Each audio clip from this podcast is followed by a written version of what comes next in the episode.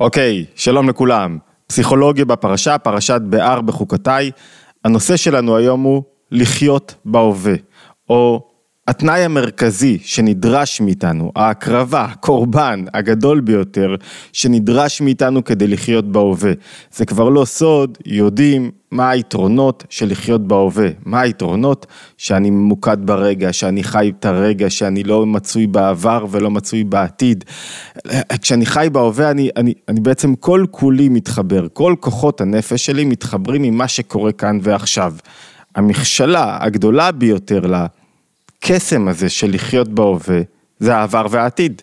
העבר עוזק אותי מבחינה נפשית הרבה פעמים, מה היה, איך קרה, למה דווקא פספסתי, מה איבדתי, מה לא עשיתי כמו שצריך, איך התנהלתי, והעתיד, מה יהיה, איך יקרה, איך נסתדר, איך הדברים מפרנסה ועד זוגיות, דרך כל עניין בחיים, העבר והעתיד מפריעים באופן טבעי לחיות בהווה, יש חלוקה של הזמן לעבר, הווה, עתיד, וכל פעם שאני חי בעבר בתודעה שלי, או חי בעתיד בתודעה שלי, אני מפספס את היכולת לחיות בהווה. אף אדם לא יכול לחיות כל הזמן בהווה. זאת אומרת, זה מאוד קשה, כי יש לי את העבר ויש לי את העתיד, אלא שככל שאני מצליח לחיות יותר בהווה, ליהנות יותר מהרגע הזה, לממש, למקסם את הכוחות שלי ברגע הזה, אני חי יותר ברגע הזה, ויש בזה, יש בזה תרפיה נפלאה אין חרדות כשאני חי בהווה. למה? כי חרדות זה מה יקרה בעתיד. אין הלקאה עצמית ו- ויסורים פנימיים כשאני חי בהווה. למה? כי כל אלה שייכים לעבר, איך הייתי ומה עשיתי. זאת אומרת, יש תרפיה גדולה מאוד ביכולת לחיות כאן בהווה, ברגע הזה, במקום שבו אני נמצא. אלא מה? זה קשה. ויש תנאי עיקרי, שהוא הקורבן המרכזי שצריך לשלם כדי לחיות בהווה. מהו הקורבן הזה, מהו התנאי הזה, כדי להבין אותו טוב אנחנו נצלול לתוך פרשת השבוע, פרשת בהר בחוקותיי, אמ, וננסה להבין מתוכה נושא שהוא נראה פשוט, אבל הרבה פחות פשוט ככל שמעמיקים בו, וזה נושא האיסור לקיחת ריבית. לפני שניכנס אני אגיד, פנה אליי אמ, חבר שלומד איתנו כבר אה, זמן ארוך ולומד ומקשיב לשיעורים ושותף וחמיב שהיה לו כאב, הוא היה מחובר אליו, אה, נפטר, אז אנחנו נקדיש את השיעור לשמו, יגאל ארזים, אה, הוא לא רשם לי את שם אביו, אבל יגאל ארזים, ו, ונזכיר שוב אם כבר עצרנו, תצטרפו לערוץ שלנו, אם אתם אוהבים את הערוץ, אוהבים את התכנים, אל תישארו על הגדר, להצטרף זאת אומרת subscribe בפעמון, כדי שתקבלו את העדכונים הבאים וכדי שיוטיוב ידע לקדם את הערוץ בעוד, אה, אה, את הסרטונים אה, לעוד קהלים. אוקיי, יאללה, ואפשר תמיד, לא, אני תמיד מזכיר כי זה חשוב למי שרוצה להיות מעודכן ומי שרוצה לקבל עוד עדכונים לגבי פעילויות מחוץ למה שאנחנו עושים באופן יומי ביוטיוב, זה אפשר להתקבל, להצטרף לקבוצות הוואטסאפ, ושם אנחנו מודיעים על סדנאות חדשות, שיעורים פרונטליים וכולי. אוקיי, בואו נתחיל. אחד הנושאים שמופיעים בפרשת בארבע חוקותיי, זה איסור לקיחת ריבית. ויש משהו מאוד אה, יפה באיסור לקיחת ריבית. אם חבר שלך נופל וצריך הלוואה ומתקשה ואתה נותן לו הלוואה, אתה לא יכול ליהנות מהכסף שנתת לו. זאת אומרת, הוא לא יכול לתת לך ריבית. וחכמים מרחיבים את האיסור הזה עד כדי כך שאפילו אם הוא לא היה אומר לך שלום פעם, אתה לא יכול ליהנות מזה שהוא יגיד לך עכשיו שלום. כדי שלא יימצא כאילו הוא נתן לך ריבית, שלום, תשומת לב, על, על ההלוואה שנתת לו. וכך מופיע בפרשה, וכי ימוך אחיך ומטה ידו, אחיך נופל והחזקת בו. אה, אל תיקח מאיתו נשך ותרבית ויראת מהשם אלוקיך וחי אחיך עמך. השאלה הגדולה היא, מה כל כך חשוב באיסור באיסור אה, לקיחת ריבית. עד כדי כך שחכמים מדגישים שזה אחד האיסורים החשובים והקשים ביותר. זאת אומרת, אם לקחת, אומר, רש"י אומר במקום אחר, האיסור הזה מופיע כבר בספר שמות, ורש"י אומר, כשאתה שם ריבית על מישהו, כשאתה לוקח ממנו ריבית, מה קורה בסופו של דבר בלקיחת ריבית? צריך לשמוע את קולו, הוא אומר שהוא כנשיכת נחש, שנושך חבורה קטנה ברגל, ואינו מרגיש. ופתאום הוא מבטבט ונופח עד קודקודו. כך ריבית אינו מורגש ואינו ניכר עד שהריבית עולה ומחסורו ממון הרבה. מה זאת אומרת? רש"י אומר על מה, למה אסור לקחת נשך, למה אסור לקחת ריבית, כי נשך זה כמו נשיכה. אתה אומר, טוב, מה, אני אקח רק עוד שלושה אחוז בשנה, מה קרה? אתה לוקח את הריבית ופתאום זה גדל כמו נשיכת נחש ומתפשט בכל הגוף ואז להתמודד עם הריבית כל כך קשה. עכשיו מישהו היה לו קשה, הוא נפל, הוא מתמודד, הוא לא פשוט לו בחיים, נתת לו הלוואה. מה אתה עושה? אתה עוד נושך אותו עם הריבית הזאת. והרבה פעמים הריבית מאוד קצוצה, מאוד קשה. זאת אומרת, אומר גם הרמב"ן, לא תהיה, אתה לא יכול להלוות למישהו ריבית ויש לשונות מאוד חריפים של חכמים, לשון חריפה מאוד של חכמים כנגד אה, הלוואה בריבית.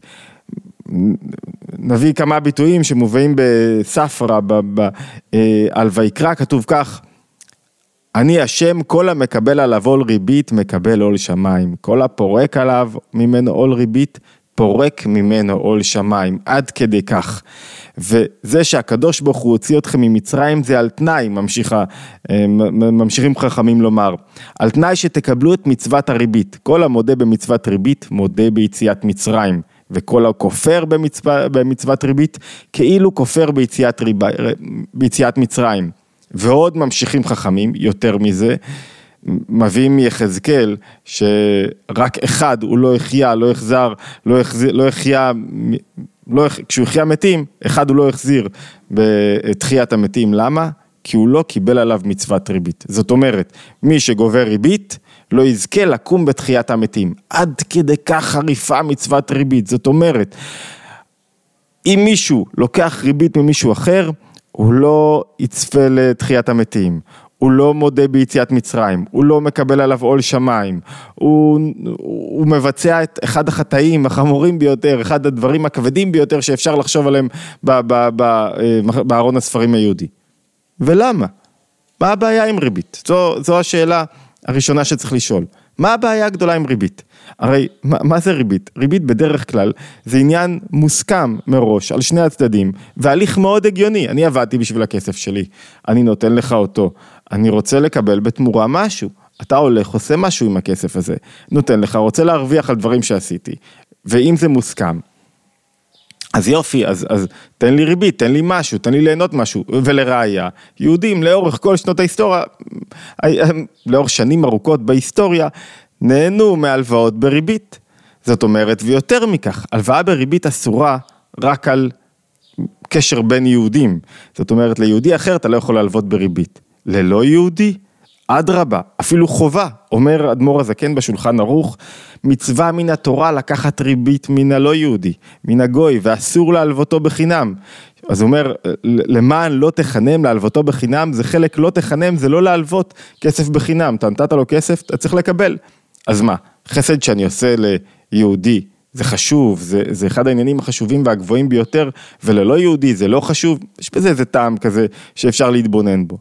יותר מזה, אמרנו שהאיסור החמור הזה של איסור ריבית, הוא מעלה מגוון שאלות. אחד, כי ריבית זה הגיוני, יש היגיון גדול בריבית. שתיים, למה רק ליהודים? שלוש, יש את המושג הזה, שהוא סוג של מסלול עוקף, של היתר עסקה. מה זאת אומרת היתר עסקה? הרי בפועל כולנו לוקחים כסף, אתה הולך לבנק, אתה לא אומר, כתוב אסור לתת לכם בריבית. נותנים לך כסף ואתה משלם ריבית גבוהה. בפועל אתה הולך למישהו ואתה מבקש ממנו כסף, אז הוא נותן לך כסף והוא רוצה ריבית. מה זה ההיתר עסקה? היתר עסקה זה בעצם מסלול יוצא דופן שאומר ככה, אומר אני נותן לך כסף, לא בגלל שאתה מסכן, כי אתה רוצה לעשות משהו. אז אני שותף איתך כרגע, אתה מביא את העבודה שלך, אתה פותח את המפעל, אתה נוטע את הכרמים, אתה מביא את העבודה שלך ואת המאמץ, אתה הולך, קונה, עושה, ואני מביא את הכסף, ואנחנו הופכים להיות שותפים. זאת אומרת, הכסף לא יוצא מידיי לגמרי, אלא נשאר חלק ממנו אצלך, ולכן אני רוצה גם לקבל חלק מהשותפות הזאת, ליהנות ממנה. זה היתר עסקה במובן כללי, בהסבר כללי. מה הבעיה שלנו אז עם הלוואה בריבית? אם מצאנו כמה טעמים הגיוניים להלוואה בריבית, מה הבעיה? אז יש כמה תשובות. נשים את התשובות על השולחן וננסה אחרי זה לפרוח אותם. עוד פעם, תזכרו את השאלה הכללית והראשונה שלנו בלימוד הזה. השאלה הכללית והראשונה, מהו התנאי המרכזי לחיות בהווה? כהרגלנו, כדי להבין את התנאי הזה, כדי להבין איך אפשר לחיות בהווה, צריך לשים רגע את השאלה בצד. חודרים, אנחנו חודרים לתוך הפרשה, ותכף נחזור לשאלה הזאת, אחרי שנבין את מצוות ריבית. אז אמרנו מצוות ריבית הגיונית. אמרנו מצד אחד, מצוות ריבית זה הדבר הכי בעייתי שיש. החכמים גוזרים על מי שמלווה בריבית כל כך הרבה דברים נוראים, כל כך הרבה דיבורים לא רצויים, עד כדי כך שהוא לא יחיה בתחיית המתים. מצד שני, אמרנו זה מאוד הגיוני, ויש הרבה הקלות במצוות ריבית, כמו כאילו שינוי האופן ראיית מצוות ריבית, היתר עסקה. אז למה, למה בכל זאת זה אסור? כמה טעמים מהירים, אחד, חסד. מה זאת אומרת? אתה עוזר, הלוואה זה לא למישהו כדי שיתפתח, אתה עוזר למישהו שהוא במצוקה. אברבנאל, דון יצחק אברבנאל, הרב אברבנאל אומר, הנשך מצד עצמו איננו דבר בלתי ראוי, זה לא דבר שהוא לא טוב, ואיננו נמאס וגם לא מגונה. והוא סחורה ומשא ומתן והגון מפאת עצמו, יש פה משהו מאוד הגיוני. אני עבדתי בשביל הכסף שלי, לא קיבלתי חינם וגם קיבלתי זה שלי, אין שום בעיה עם שלי. לכן ייחס הקדוש ברוך הוא את העניין הזה במדרגת חסד, שיעשה עם אחיו כשילווה לו מכספו מבלי רווח ותועלת כלל. אני מזכיר, מי שרוצה מקורות, כל המקורות עולים לאתר התבוננות ולכן שווה תמיד לראות את המקורות, בייחוד בשיעור הזה שיש בו המון מקורות ואנחנו רק נוגעים בחלק מהם כדי לחתור לנקודה שלנו. זאת אומרת, מצוות ריבית או איסור השתת ריבית זה כמו מצוות צדקה. ומצוות צדקה אומר, השלה, שני לוחות הברית, אומר ככה, אומר, הבעיה המרכזית היא לא עם הריבית, הריבית יש בה היגיון, אלא עם חוסר בהירות. הלווית כסף למישהו, ואז הוא לא יודע שהלווית לו בריבית, הוא חושב שהלווית לו את הכסף ותחזיר מתי שתחזיר ואיך שאתה רוצה להחזיר. וכל כך חשוב לא להיות נושה, לא, אפילו אי אפשר ללכת ליד מישהו שהלווית לו כסף כדי שלא יתבייש. זאת אומרת, אם הוא יודע שהכסף הזה זה, ב, זה היתר עסקה, אז אפשר לקיים את זה. אבל אם הוא חושב שהכסף הזה זה הלוואה ויש פה בלבול, אז אתה כאילו פוגע בתמימות שלו. ולכן, אם אתה מלווה כסף לא כהיתר עסקה, תן לו את הכסף, חשוב שתהיה בהירות, ויש בזה חסד מאוד גדול, נתינה גדולה מאוד, אתה נותן למישהו, בלי להרוויח עליו. אתה לא, מה זה, מה זה להרבות שאתה מרבה בעצם מההלוואה? זה שאתה לא שם לא נשך ולא ריבית, לא מרבית, אתה לא מגדיל את ההון שלך על חשבונו, אתה עוזר למישהו, חסד גדול מאוד, זו סיבה אחת, למה איסור ריבית. סיבה שנייה, שוויון, יש בזה משהו מאוד מאוד יפה, שכשאתה נותן למישהו משהו, אתה בעצם יוצר שוויון, אתה מאפשר לו להתעלות, ויוצר שוויון בחלוקת כספים ביניכם. זה לא רק אכפתיות מהזולת, אלא יצרת, יצרת השוואה במצב הכלכלי שלך ושלו באופן כלשהו, ושוויון זה דבר כל כך חשוב, בטח שוויון הזדמנויות, ולכן אמרנו, נשך ותרבית שאתה לא מרבה את ההון שלך על פי מה שנתת, על פי ההלוואה שנתת ללווה שלווה ממך את הכסף. זו הנקודה השנייה, למה חשוב איסור ריבית. נקודה שלישית, למה חשוב כל כך איסור ריבית, זה, זוכרים שאמרנו, אני מזכיר לכם, תזכורת למה אמרנו קודם, שאני השם אלוקיכם, או אשר הוצאתי אתכם ממצרים, אם אתה לא מקבל על עצמך את מצוות ריבית, אתה לא מקבל את הקדוש ברוך הוא, זה תנאי, שהוא זה שהוציא אותך ממצרים ואתה מאבד את נקודת הביטחון. אחת הנקודות החשובות זה כשאני מלווה למישהו משהו, אני בטוח שהכסף הזה הוא לא שלי, מגיע לו, ומה שצריך לחזור לי, יחזור לי, ואני מתחזק בביטחון שלי.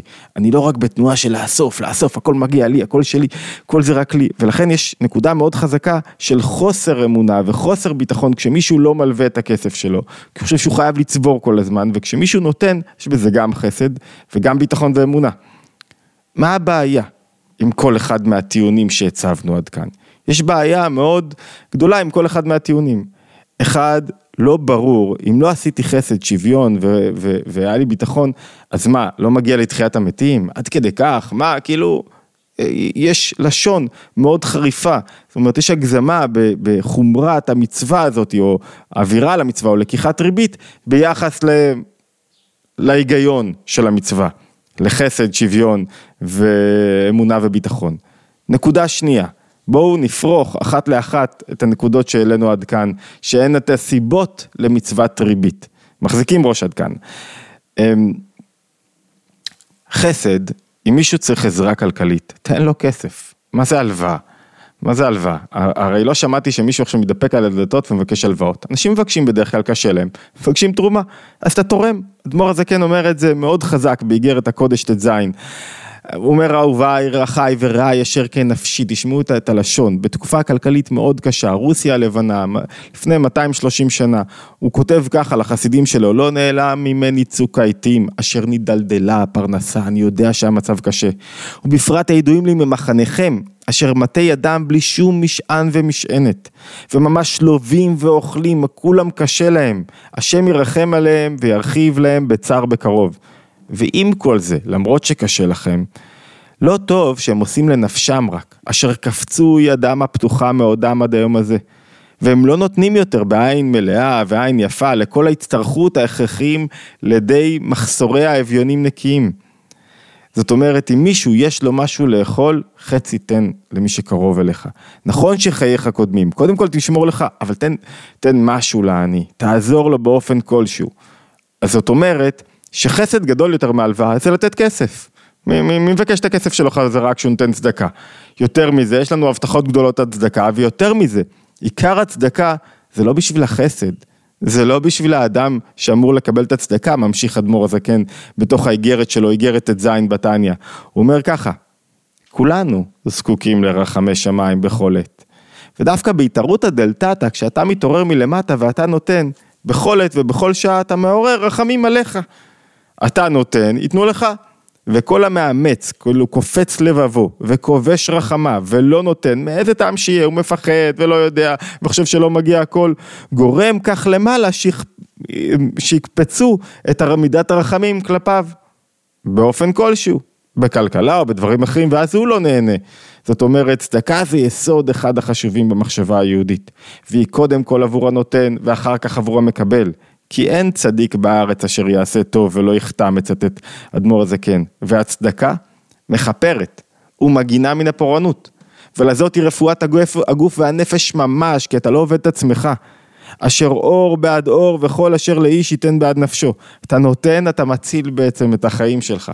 ואנחנו מאמינים בני מאמינים, ממשיך אדמו"ר הזקן, כי הצדקה אינה רק הלוואה לקדוש ברוך הוא, כי מלווה השם חונן דל וגמולו ישלם לו, אלא בכפליים הוא יקבל. זאת אומרת, הוא משכנע אותנו לתת צדקה. מה הקשר להלוואה בריבית? מי מדבר פה על הלוואה בריבית? אתה, קשה לך. בכל זאת תוציא מעצמך, תן צדקה. תן צדקה, הכל נאסוף ביחד כולנו, נעזור לזה שנפל. למה צריך להלוות לו כסף? מה זאת אומרת? להלוות לו כסף זה יותר גרוע, לבקש חזרה. אז, אז, אז קודם כל חסד גדול יותר נמצא בצדקה. אם מישהו רוצה עכשיו להתפתח עסקית, אוקיי אחי, תקבל כסף, תתקדם, תעשה מה שאתה צריך. כשתעמוד על הרגליים שלך ותעשה את הכסף שלך, מה רע בזה שעזרתי לך לבנות מפעל שתחזיר לי קצת מהריבית? הרי הכסף הזה אני גם עבדתי בשבילו. זה לגבי הטיעון הראשון של חסד. זאת אומרת, אנחנו מפרידים פה בין מצוות צדקה לבין חסד. הטיעון השני לגבי שוויון, הוא טיעון יפה, יפה, אבל הוא בעייתי מבחינה פנימית. מה הבעיה שלו מבחינה פנימית? בשמות רבה יש מדרש מאוד יפה שכותב, כתוב שם כך, דוד המלך פונה לקדוש ברוך הוא ואומר לו, אמר דוד ריבון העולמים, ישב עולמך, שנאמר ישב עולם לפני אלוקים. מה זאת אומרת ישב עולמך? שיש שוויון בעולם בין עשירים לעניים, בין מי שיש לו לבין מי שאין לו. מה הבעיה לייצר שוויון בעולם, אומר דוד המלך לפני, לפני הקדוש ברוך הוא. עונה לו הקדוש ברוך הוא, אם אעשה את עולמי שווה, חסד ואמת יחסכו מן העולם. זאת אומרת, העולם הזה נברא כדי שיהיה בו חסד ואמת. ובגלל שיהיה בו חסד ואמת הוא נברא בתצורה מסוימת. מסביר הרבי מלובביץ' במאמר, הוא מסביר שהעולם נברא כך שיש בו השפעה ויש בו קבלה. ולכן תמיד צריך שיהיה עניים ועשירים. עשיר יכול להיות בדעת, בהבנות, בזווית ראייה, בעצות, בכלכלה. התפקיד של העשיר זה לתת השפעה לעני. וכשהעשיר נותן השפעה לעני, מה זאת אומרת? מה הוא עושה כשהוא נותן השפעה לעני? הוא עוזר לעני להתרומם ממקומו. ואז יש מערכת יחסים בין עשיר לעני, אחרת העשיר והעני היו נפרדים. אם יש שוויון, אין יותר השפעה. אם אין השפעה, היחסים למטה, מסביר הרבי מלובביץ', מחקים את היחסים למעלה. זאת אומרת, אם אין השפעה, אז כל אחד לעצמו. אני יש לי מה שיש לי, אני לא צריך לתת לאף אחד, אני לא צריך לקבל מאף אחד, אני סגור בתוך עצמי, הסברנו כמה פעמים שזה המהות של כסף, אמצעי החליפין שהוא תוצר של ההשפעה הזאת, וכדי שתהיה אינטראקציה בין עליונים ותחתונים, בין בני האדם, צריכה להיות, צריך להיות מצב שבו אין שוויון ברגע הזה. וצריך לייצר מאמץ כדי שיהיה שוויון, אני נותן לך, כדי שאתה בעצמך תצמח. זאת אומרת, הטיעון של שוויון הוא יפה, הוא לא עוזר לנו כל כך בתחום הריבית, כי יש כל כך הרבה תחומים אחרים שאין בהם שוויון, ויותר מזה, השוויון מובנה בתוך העולם כדי שנעשה פעולות בתוך עצמנו. למה דווקא ריבית? זאת אומרת, השוויון מובנה כדי שתשפיע ויהיה מי שיקבל ממך. ואתה משפיע לא רק בכסף, אתה משפיע ברעיונות, בעצות, במגוון של דרכים. זאת אומרת שהטיעון של שוויון העולם נברא לא שווה כדי שנגלה בו השפעה וקבלה. ויום אחד אתה תהיה אני, אני במובן של אני רוצה ללמוד, צריך עצה ממישהו, איזה, כשמישהו צריך עצה ממישהו שיש לו בהירות מוחין, לא משנה כמה כסף יש לו, ברגע של בהירות מוחין הוא, הוא מוכן לשלם, לתת, לתת אמצעי חליפין למישהו שיעזור לו לראות את התמונה בבהירות, וזה שווה המון כסף, זאת אומרת אנחנו משלמים לא רק עבור מוצרים פיזיים. אז הטיעון של שוויון גם הוא לא כל כך חזק כדי להפוך לנו את איסור ריבית לדבר כל כך עוצמתי. והנקודה האחרונה, ביטחון ואמונה, גם הם לא קשורים לאיסור ריבית. אני יכול לא לתת הלוואה, ואני לא עובר על מצוות ריבית. לא נתתי שום דבר, ואני לא, לא נתתי, ואני לא עובר על מצוות ריבית, ועדיין אין בי שום ביטחון ואמונה, כי אני מפחד מה יהיה. זאת אומרת, לא להלוות ולא לקבל אה, אה, ריבית, זה, זה חוסר אמונה יותר גדול. לכן, מצוות ביטחון מצווה מאוד חשובה, עבודה על הביטחון והאמונה מאוד חשובים, אבל לא קשורים בטבורם למצוות ריבית. אז מה כן? אוקיי, עכשיו השאלה שלנו חוזרת למקורה. למה ריבית כל כך חשובה, עד כדי כך שמי שעובר על מצוות ריבית אין לו חלק בעולם הבא וכולי, כל מה שדיברנו. אז בואו נענה גם תוך כדי על השאלה הגדולה שלנו. השאלה הגדולה שלנו, איך לחיות בהווה, זאת אומרת, מצוות ריבית למי שהחזיק ראש עד כה, עוזרת לנו בעצם להקריב את הקורבן הגדול ביותר שלנו כדי לחיות בהווה. לפני שנענה על זה ונתבונן רגע כמה הנחות יסוד שצריך להציב במהירות, אני מתבסס על אה, שיחה של הרבי מלובביץ' מתשי"ה 1950, אמ, אה, אה, לפני שהוא היה רבי, וככה הוא אומר, כמה הנחות יסוד, אחד, אמ, כל עבודה שאני עושה, צריכה להיות בה השפעה על העולם. אני לא עושה שום דבר אם אין בו השפעה, ואם אני עושה משהו בלי השפעה זה נקרא שאני מקבל שכר חינם, כאילו קיבלתי כסף על משהו שלא עשיתי. אז כשאני חסר השפעה, אני גם אין לי בזה תענוג, אין לי בזה, בזה צמיחה. כל עבודה שיש בה השפעה, יש בה חיות, ויש בה מיקוד בעבודה של הרגע הזה. אוקיי, עכשיו אחרי שאמרנו את כל זה, בואו נתפוס, נסגור את כל הקצוות שלנו. מה זה ריבית בעצם? מה הנקודה של ריבית? ריבית זה שאני רוצה לקבל רווח עבור, עבור כסף, נכון? עבור כסף שנתתי בהלוואה ושפעם הרווחתי ממנו. למרות שהכסף יצא כבר מהרשות שלי, נתתי אותו, פעם הרווחתי את הכסף הזה, עכשיו אני רוצה לקבל עליו רווח. זהירות מריבית זה שאני רוצה לקבל רווח רק על מה ששייך לי עתה. לכן היתר עסקה הוא דבר אפשרי. זאת אומרת, אני עכשיו שותף, אני רוצה לקבל את הרווח שלי רק על מה שאני עושה כרגע. זאת אומרת, על הכסף שנתתי ואני שותף בעצם בעשייה. עבור הלוואה, על כסף שהיה שלי. נתתי לך אותו, אני לא יכול לקבל עליו ריבית. למה? מה הנקודה הפנימית? הנקודה הפנימית, כשמישהו רוצה לחיות בהווה, הוא חייב לוותר. לוותר על מה? על שני דברים. לשלם קורבן של שני דברים. אחד, על הקרדיט שמגיע לי. אני הרבה פעמים נשען על, אה, טוב, אני, זוכרים אותי כטוב, הייתי פעם שחקן טוב, הייתי מרצה טוב, אני רוצה ליהנות מרווחים שלי בעבר, וכשאני רוצה ליהנות מרווח של דברים שעשיתי בעבר, זאת אומרת שכרגע אני לא משפיע. אדם שרוצה לחיות בהווה, חייב להתנתק מכל מה שהוא עשה בעבר, במובן הזה של מה זה להתנתק. אני בכל רגע מייצר את ההשפעה שלי ואת הערך של ההשפעה שלי, ולכן את החיות ואת התשוקה של מה שאני עושה כל פעם מחדש. ולכן אני לא נהנה ממצוות ריבית. אני לא נהנה מריבית. למה לא נהנה מריבית? כי אני לא רוצה להרוויח, לא במובן הגשמי, אני לא רוצה להרוויח במובן הפנימי, גם הגשמי, אבל במובן הפנימי אני לא רוצה להרוויח ממשהו שעשיתי פעם. אני רוצה עכשיו לייצר את ההשפעה שלי, ועכשיו לתת את הערך שלי, ועכשיו לעבוד הכי טוב שאני יכול, בגיל 8 או בגיל 85. אין לזה גבול. זאת אומרת, כשאני לא מסתפק בדברים שעשיתי פעם, אני לא רוצה את הרווחים של פעם, אני רוצה להשקיע עכשיו את כל מה שיש לי בכל רגע נתון, רק אז אני יכול לחיות בהווה. כשאני נשען על העבר, או כשאני חרד מהעבר, זאת אומרת שאני לא מביא את ההשפעה שלי לרגע הנוכחי. כשאני נשען על העתיד, על מה שאני אקבל בתמורה של דברים שעשיתי, אני לא מביא את ההשפעה, את הכוחות, את החיות שלי, את, את, את, את הערך שלי לרגע הנוכחי. כדי לחיות בהווה, לא מספיק להגיד לחיות בהווה, מה זאת אומרת לחיות בהווה? לחיות בהווה זה לא רק ליהנות ברגע הזה באיזה טיול בתאילנד על החוף. לחיות בהווה זה שברגע הזה אני משפיע. כל פעם מחדש משפיע, זאת אומרת מגלה את הערך שלי לעולם, אם אני לא מגלה, מישהו מגלה, הוא מתמקד במשהו, בתרגיל, ברעיון, רק אז הוא חי בהווה. הוא משפיע ברגע הזה, הוא נותן את כל כולו. אתה מגיע לאירוע, אתה משפיע כאן, יש לך ערך כאן, רק אז אתה חי בהווה. אם אתה נשען על קרדיט מהעבר ורוצה, תראו איך אני נראה ואיך אני, ועל מה שעשית פעם, אתה כבר לא יכול לחיות בהווה. וכשאתה לא יכול לחיות בהווה, אתה גם לא ממשיך לעצמך שפע חדש של התחדשות ולא מתנהגים איתך מלמעלה. אם אתה עובר על איסור ריבית, אם אתה רוצה, תעריך אותי על פי מה שהייתי, אז אתה נותן רווח, אתה נוטל רווח על משהו שעשית פעם, ולא על משהו שעשית עכשיו, ולכן אתה לא יכול לחיות כאן ועכשיו, אתה לא יכול לחיות ברגע הנוכחי. אתה, אתה, אתה אומר, מכריז, אני נשען על משהו שעשיתי פעם. לכן נטילת ריבית או איסור נטילת ריבית הוא יסוד כל כך משמעותי במחשבה היהודית. הוא אומר, בארון הספרים היהודי, במצוות היהודיות, הוא אומר כך, הוא אומר בתודעה שלך, אתה צריך כל פעם פריש, פריש מיש מחדש.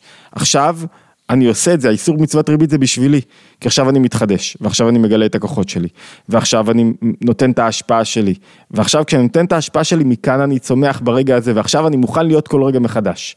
וכשאני מוכן להיות כל רגע מחדש, רק אז אתה מגלה שאתה הוציאו אותך עכשיו ממצרים, ורק אז אתה מגלה ביטחון ואמונה אמיתיים, כי אתה לא צריך, לא מזדקק לשום דבר אחר. זאת אומרת, ביטחון ואמונה מתגלים כשאדם לא נשען על שום דבר מהעבר, חיובי או שלילי, ולא על מה שהוא יקבל בעתיד, אלא על הרגע הזה.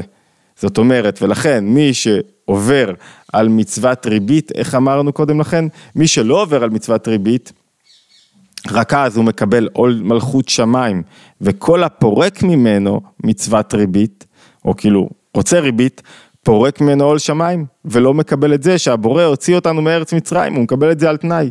זאת אומרת, ההוצאה הזאת היא בכל רגע ורגע.